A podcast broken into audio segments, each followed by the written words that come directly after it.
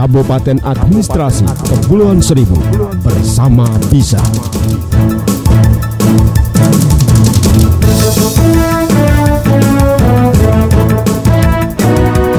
Informasi pembangunan Kabupaten Administratif Kepulauan Seribu.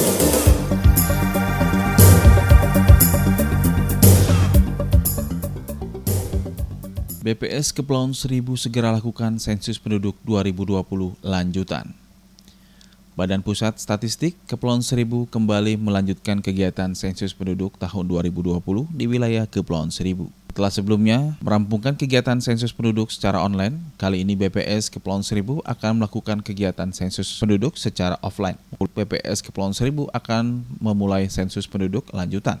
Tetapi sehubungan dengan pandemi COVID-19, maka pendataan tidak dilakukan dengan wawancara, namun melakukan pemeriksaan daftar penduduk dibantu oleh Ketua RT dan verifikasi ke rumah door to door dengan didampingi oleh Ketua RT setempat. Kegiatan ini dilakukan untuk memperbaiki daftar penduduk, kata Kepala BPS Kabupaten Kepulauan Seribu, Puji Pangestu.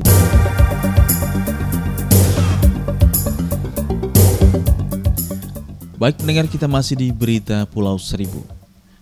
Lestarikan lingkungan Pemkap Kepulauan Seribu apresiasi perhatian Pertamina Mor 3. Pemerintah Kabupaten Kepulauan Seribu menyambut positif dukungan PT Pertamina Integrated Terminal Jakarta Marketing Operation dalam melestarikan lingkungan di wilayah Kelurahan Pulau Tidung. Hal itu disampaikan Asisten Perekonomian dan juga Pembangunan Asekban Kepulauan Seribu Iwan Samosir saat menyaksikan penyerahan bantuan program SEP Maskot Jakarta dari Pertamina Mor 3 kepada Karang Taruna Kelurahan Pulau Tidung di Gedung Mitra Praja di Jakarta Jumat 28 Agustus 2020. Tentunya ini perhatian yang sangat positif dari Pertamina Mor 3 dalam mendukung melestarikan lingkungan khususnya di wilayah Kelurahan Pulau Tidung. Tercatat, bantuan yang diberikan terdiri dari 3.000 bibit mangrove, media informasi, elang bondol, dan transplantasi terumbu karang. Dan ini program kami untuk terus melestarikan lingkungan, khususnya terhadap elang bondol. Semoga bantuan ini bisa berkontribusi untuk kemajuan wilayah Kepulauan Seribu.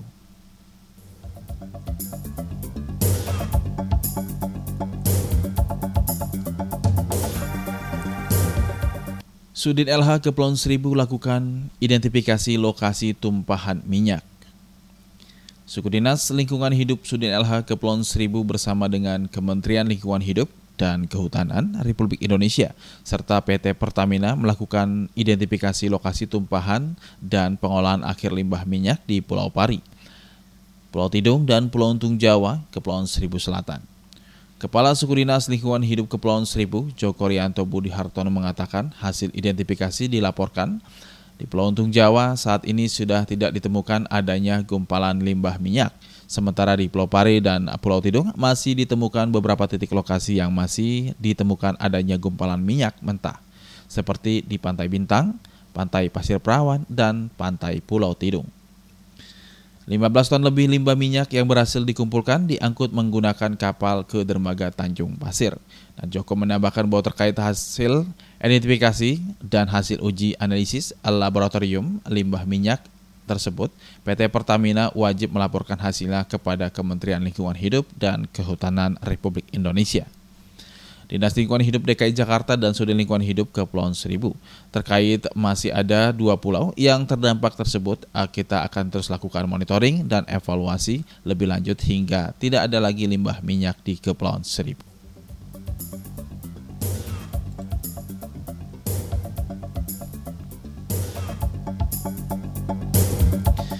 Baik pendengar kita masih di berita Pulau Seribu. Kelurahan Pulau Pari menerima 963 paket bansos. Kelurahan Pulau Pari Kepulauan Seribu Selatan menerima bantuan sosial dari Pemprov DKI Jakarta sebanyak 963 paket sembako. Lurah Pulau Pari Mahtum mengatakan bantuan diserahkan kepada pengurus RT RW untuk disalurkan langsung kepada warga setelah adanya serah terima di dermaga Pulau Lancang. Paket bantuan ini berisi beras, minyak goreng, sarden, biskuit kaleng, sabun batang, tepung terigu, bihun, jagung, dan kecap kemasan. Mahtum juga menjelaskan bahwa total bantuan sebanyak 963 paket disalurkan ke 3 RW di Pulau Lancang dan 1 RW di Pulau Pari. Dan sementara itu, Ketua RT 03 RW 03 Kelurahan Pulau Pari, Junet mengatakan bahwa pihaknya mengucapkan terima kasih atas bantuan dan perhatian Pemprov DKI Jakarta yang telah membantu warga di tengah wabah pandemi COVID-19. Bantuan ini tentunya sangat membantu warga meringankan beban selama pandemi.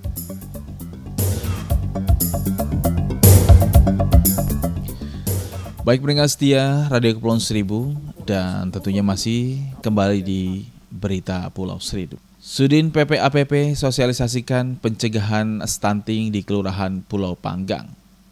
Suku Dinas Pemberdayaan, Perlindungan Anak dan Pengendalian Penduduk Sudin PPAPP Kepulauan Seribu terus aktif mensosialisasikan dan juga mengevaluasi hari pertama kehidupan atau HPK dalam upaya pencegahan stunting di Kelurahan Pulau Panggang, Kepulauan Seribu Utara. Kepala Sudin PPAPP Kepulauan Seribu, Rizky Hamid mengatakan sosialisasi tersebut merupakan proyek prioritas nasional ProPN dalam rangka pencegahan stunting. Dan kita hadirkan kelompok bina keluarga balita, kader PKK, Dasawisma, fasilitas kesehatan dan aparatur kelurahan yang membidanginya. Dan Rizky menjelaskan bahwa selain sosialisasi langsung melalui tatap muka, Sosialisasi merupakan juga dilakukan melalui media daring selama pandemi COVID-19.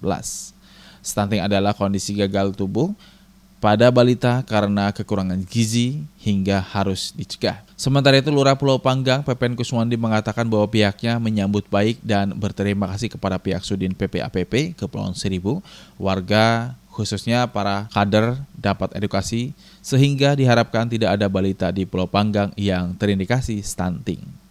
Usai kegiatan sosialisasi, Sudin PPAPP menyerahkan BKB KIT kepada kelompok BKB sebagai sarana komunikasi, informasi, dan edukasi kepada keluarga di Kabupaten Kepulauan Seribu. Kepulauan Seribu.